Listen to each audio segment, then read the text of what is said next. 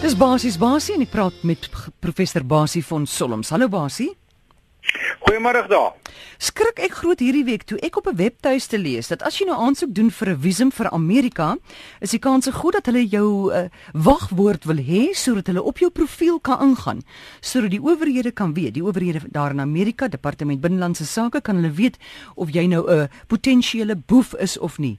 Maar hang Basie, dit kan mos nie wees nie. Nee, dit is eintlik nie heeltemal nie. Dis bietjie van wat ons kan sê fopnuus of eintlik bietjie ek sou dit eerder iets soos emosionele disinformasie wil noem. Ek het bietjie gaan kyk daarna toe jy nou vir my daarvan aan kennis gestel het en ek het dit ook opgetel. Uh, dit raak ons as Suid-Afrikaners absoluut hoegenaamd nie.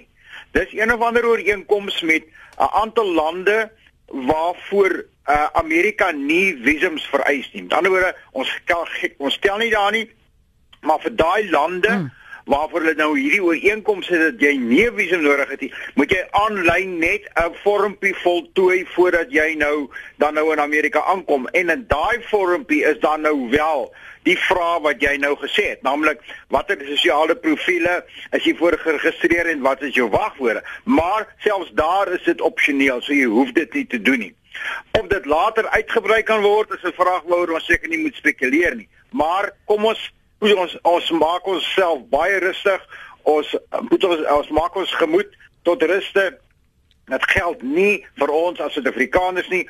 Ons het 'n visum nodig. Jy doen aansoek vir jou visum, jy het jou visum en op hierdie stadium geen probleme met sosiale profile of wat ook al nie. Slou slaap rustig en gaan lekker Amerika toe. Goed, ransomware is gijselware in Afrikaans. Basie, wat is die groot bedreiging daar en hoe kan ons onsself beskerm? Ons het al 'n bietjie daaroor gepraat uh en dit dit is 'n groeiende probleem. Daar was 'n uh, kort gelede, verlede week of voorverlede week, 'n uh, berig dan van vier maatskappye in Port Elizabeth alleen wat gegijsel is. Daar's ek het ek het 'n reaksie gekry eposse van van mense van ons luisteraars wat sê my maatskappy is gegijsel. Dit beteken hulle kraak in jou rekenaar in, hulle sit 'n stuk kwaadwillige programmatuur in jou rekenaar in en hulle enkripteer of hulle skommel die data van jou maatskappy. En jy kan dit nie terugkry voordat jy nou aan hulle, dit wil sê aan Kippie Kiberkraker, 'n losprys betaal het. Nie. Nou dis 'n ernstige saak. Dit groei internasionaal aan mekaar dit want dit is 'n redelike maklike manier om maatskappye uh te gijsel of dan uh jy weet in die moeilikheid te kry. Daar was nou die dag 'n uh, baie interessante berig van die kuberkrakers wat in 'n hotel, 'n internasionale hotel, en daar het jy mos nou hierdie plastiekkaarte waarmee jy in jou hotelkamers kan hmm. inkom. Nou hulle het die maatskappy se stelsel wat hierdie plastiekkaarte vir die kamers uitreik gegijsel. Ja. En die data het hulle uh uh, uh geïnkripteer of geskommel en toe die maatskappy die hotel gegijsel en gesê betaal vir ons hierdie losprys anders te kan julle geen nuwe meer geen nuwe kaarte meer vir julle kliënte of vir julle besoekers uitreikie en hulle sê selfs dat die mense wat kaarte het kan nie in hulle kamers inkom nie. So jy sien, dis 'n ernstige saak en die vraag hier is hoe kan jy jouself beskerm? En dit is nie wetenskapsfunksie om jouself te beskerm nie. Maak 'n ordentlike rigsteen van jou data. Nou as hy kom en hy gijsel jou data en hy enkripteer dit en hy skommel dit en hy sê betaal my hierdie paar duisend rand, hmm. dan sê jy vir hom man gaan gaan na daai plek toe waar jy moet wees. Jy herstel jou stelsel, herlaai jou data en daar is jy. Maar moenie maak soos een van ons eie leierstraars wat vir my e-pos gestuur het en gesê het hoe ek is in die moeilikheid. My maatskappy se data is gegijsel ons het 'n rigsteen gemaak maar die rigsteen is 'n spesiale rekenaar as waarop die data was wat gegijsel is. So eintlik die rigsteen is ook gegijsel dan het jy in elk geval verloor nog voor jy begin het.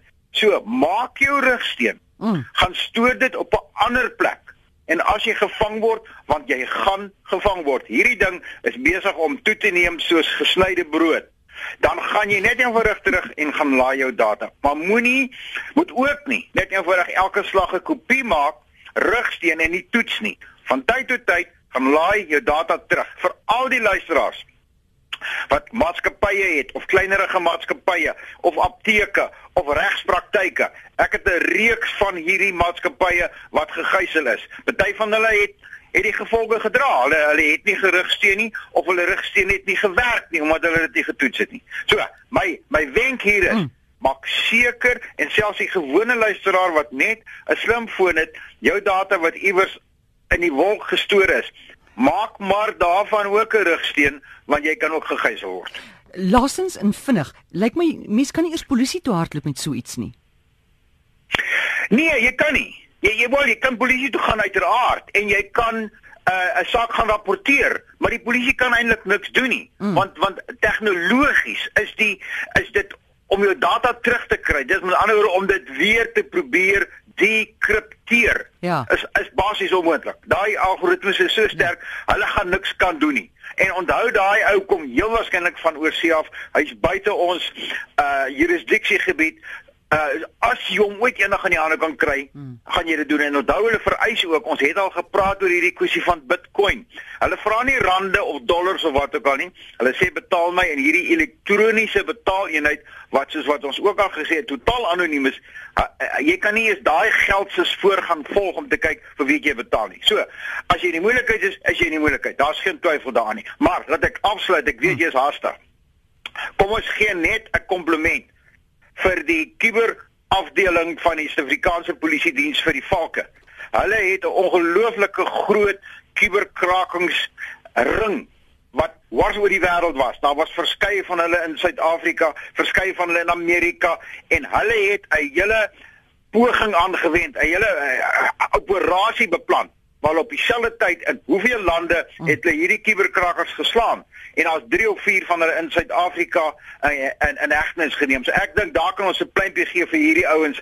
Hulle het hier werklik 'n groot internasionale kuberring 'n groot nou gegee. Dis goed om te hoor. Basie gee gou weer jou e-posadres asseblief. My e-posadres is rsgbasie@gmail.com laat weet maar vir my. Volgende week kyk ons waar ons gesels as 'n interessante ding wat ek graag volgende week as daar niks nuuts opkom nie. Hmm. Daar's 'n ondertekening amper 'n verbond geteken tussen 'n klomp ouens soos Elon Musk en Stephen Hawking oor die gevare van die groei van kunsmatige intelligensie. Met ander woorde, hmm. rekenaars wat begin leer en ek dink ek moet 'n bietjie daaroor gesels want dit gee vir ons vir my en vir jou jy weet wat wat wetens weer eens is nie wetenskapsfunksie nie fiksie nie. Gee vir ons die idee dat hierdie groot geeste is bekommerd oor waar gaan rekenaars heen wat kan leer en wat later self dinge kan doen wat ons nie wil hê hulle moet doen nie